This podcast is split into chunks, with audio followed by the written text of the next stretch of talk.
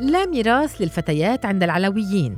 لماذا يحمل إخوتي هذا القدر من القسوة والظلم؟ سناء إبراهيم. The Invisible Victims. How Women in Alawite Families Are Denied Inheritance. ما لا أفهمه حقا هو متى قام إخوتي بتجميع كل هذا القدر من القساوة والظلم. وبالأمس فقط حملنا بطن واحد وجمعنا إطار صورة واحدة. لا أدري في أي نقطة زمنية بدأت مشاعرهم بالتحول. أنا رؤى شابة علوية يقال إنني جميلة وأنا محامية متزوجة من طبيب. علمت بالدليل القاطع أن زوجي يخونني مع عشرات النساء الأخريات. وهو عرف أيضا باليقين الكامل أني أضعف من أن أقوم بردة فعل. لذلك فهو مستمر في خيانته لي وأنا مستمرة في صمتي عن فعله هذا والسبب في ذلك أن ذكور عائلتي توافقوا منذ زمن على أنه لا ميراث للبنات. فالبنات يجلبن الغرباء والأرض للعائلة والبنات وأولادهن ليسوا من العائلة.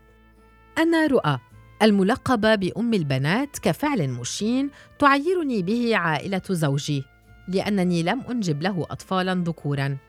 أبحث عن سند معنوي نفسي وحتى مادي يكون عونا لي في قراري الذي اتخذته بالانفصال عن زوجي لكن جميع من أخبرتهم من عائلتي بنيتي وقفوا ضدي وقالوا إني صعبة المعشر وأني لست الوحيدة التي يخونها زوجها وهي ليست المرة الأولى. وحدها شقيقتي التي تعيش خلف المحيطات منحتني وعدا ودعما وقالت لي اتخذي قرارك وأنا معك هذا بيتي موجود في دمشق وهذا مفتاحه.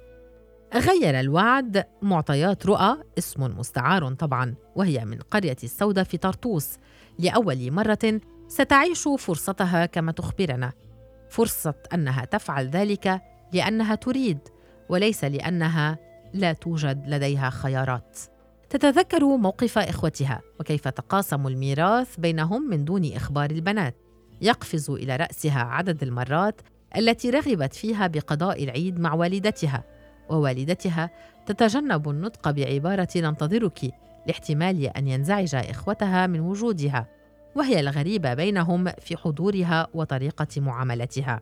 في مقابل ذلك تقول رؤى التي تبلغ من العمر 42 عاما عندما أجرت أمي عملية جراحية استغرب إخوتي كيف لم أندفع لخدمتها أنا وشقيقاتي فنحن الأولى برعايتها وفقا لمنظورهم لأنه ببساطة واجبنا. أما عندما يتعلق الأمر بحقنا من الميراث فهذا عيب علينا وعار. ما أن يتزوج الأخ ويرزق بأولاد حتى يظهر ما أسميه أنا جوع الطائفة تقول هنادي 38 عاما. وتضيف حتى الأمس القريب كنت أستمع إلى قصص تروى عما يفعله الزمن بالإخوة وكيف يتحولون إلى غرباء. لكنني لم أتوقع أن نصبح نحن القصة. وأي قصة؟ قصة أبطالها حبة اللوز والاكيدنيا من يصدق أننا نتشاجر كل عام بسبب حبة لوز أو حبة أكيدنيا؟ تسأل هنادي وتجيب.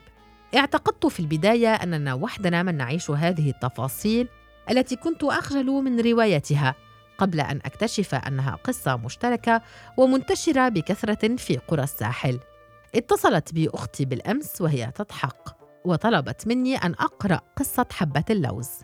تحكي القصة التي نشرتها إحدى الصفحات أن سيدة ذهبت إلى محل الخضروات لشراء أوقية من اللوز الأخضر. سألها الخضرجي جاي تشتري لوز وأخوك عم ببيع اللوز إقفاص إقفاص؟ هيدا اللوز اللي عم تشتريه من عند أخوك؟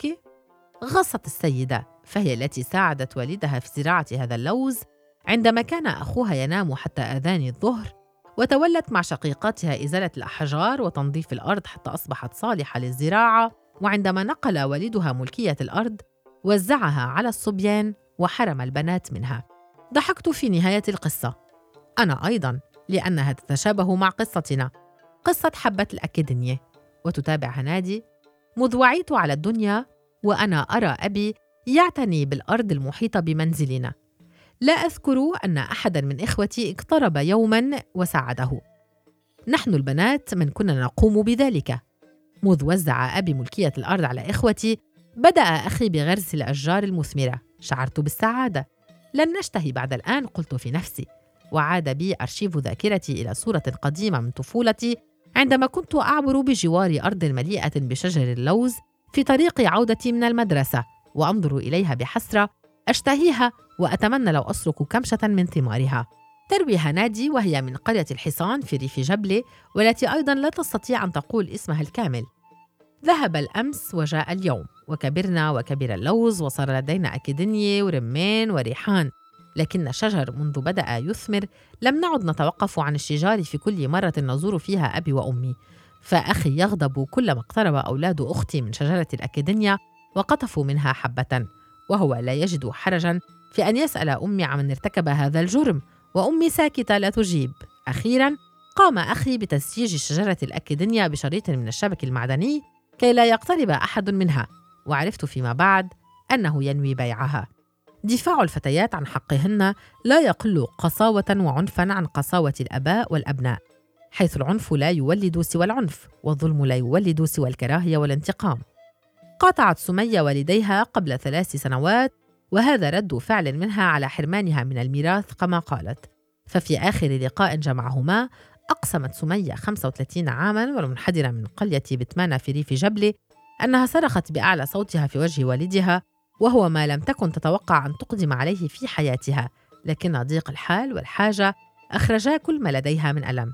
كرشاش أطلقت أسئلتها ولم تتوقف حتى أفرغت ما في جعبتها. تقول سمية لم أستطع أن أستوعب فكرة حرماني من الميراث فقط لأنني فتاة تزاحمت الصور في رأسي وتذكرت لهفتي على أبي عندما وقع طريح الفراش بسبب مرض ألم به وكيف كنت أجلسه في النهار وأعد أنفاسه في الليل عندما ينام وكيف كنت أعانقه وأبكي. أبكي لأنني أخاف من أن أفقده. أنا أحب أبي أحبه كثيرا. تغمرني السعادة عندما يمسح بيديه على شعري ويدعو لي بالتوفيق. أشعر بالرضا والفرح عندما أقلم له أظافر يديه وقدميه. تضيف برغم أنه حرمني من الميراث فأنا لا أستطيع أن أكن له إلا الكثير من العاطفة والحب والاحترام والدعاء بطول العمر وسترة الآخرة. وأدعو من قلبي أن يكون إخوتي أصحاب عرفان للإرث الذي حصله أبي لهم بتعبه وجهده وأن يبقوا أوفياء لأبي وأمي حتى نهاية العمر. فنحن لم نمت بعد ولكننا رأينا من مات فليس بعيدا عن عائلة أبي. توفي عمي مكسورا وحيدا وبعد وفاته بقيت زوجته أيضا وحيدة. كل القرية تعرف كم تعبت زوجة عمي في حياتها وكم ضحت في سبيل أولادها وكم رقدت لكن النتيجة أن رائحتها كانت تفوح منها لأن أحدا من أولادها أو زوجاتهم لم يكن يعتني بخدمتها جسمها ونظافتها واستحمامها أو حتى غسيل ملابسها وهي غير قادرة على القيام بذلك وحدها. تروي سمية أن في آخر لقاء رأيتها فيه عندما جاءت لزيارتنا وقبل وفاتها بوقت قصير كانت حزينة جدا وكئيبة. أخبرتنا كم هي ضجرة. بكت كثيرا عندما أخبرتنا بأن لا أحد من أولادها يأتي ليؤنس وحدتها أو يزورها برغم أن أمطارا قليلة فقط تفصل منازلهم عن منزلها. هي أيضا ماتت مكسورة ووحيدة. مقهورة أنا جدا وحزينة. اشتقت إلى أبي وأمي. اشتقت إليهما كثيرا لكن طائفتي لم تعد تعنيني بعد الآن ولم يعد يعنيني التعرف على خميرتها. فخميرة رأسها تقول إنها فاسدة وفسادها يترجمه سلوك أبنائها تجاه بناتها. تشير المحامية والناشطة صفية فاضل في حديثها لرصيف 22 إلى نقطة مهمة وهي أن تسمية الطائفة العلوية تسمية مغلوطة ومرفوضة لأنه لا يوجد في القانون وفي تقسيمات الدولة السورية شيء اسمه الطائفة العلوية. أما بالنسبة إلى الميراث فتوضح أن هوية الدولة في سوريا ودينها هما الدين الإسلامي الذي يعتمد القرآن الكريم والمذاهب الإسلامية لا سيما المذهب الحنفي مصدرا أساسيا له وتم وضع قانون الأحوال الشخصية والذي ينطبق على كل من يدين بدين الإسلام باستثناء الطائفة الدرزية والميراث هو أحد الأمور التي يتضمنها قانون الأحوال الشخصية. والنص واضح فيه في توريث المرأة علما بأن هناك صورة كاملة في القرآن الكريم تتناول الميراث هي صورة النساء ويتم اعتمادها أساسا في توزيع الميراث. تضيف المحامية فاضل. يوجد في سوريا نوعان من الإرث إرث شرعي وهو ما ينطبق عليه الكلام السابق وحصر إرث قانوني وقد تم وضعه في زمن الدولة العثمانية إذ إن أحد الخلفاء العباسيين لم يكن لديه غير البنات. ووفقا للشرع الإسلامي فإن نصف ملكه سيكون لأشقائه وأبنائهم مما استدعى أن يجمع الفقهاء ويضع له حلا ينقذ الملك.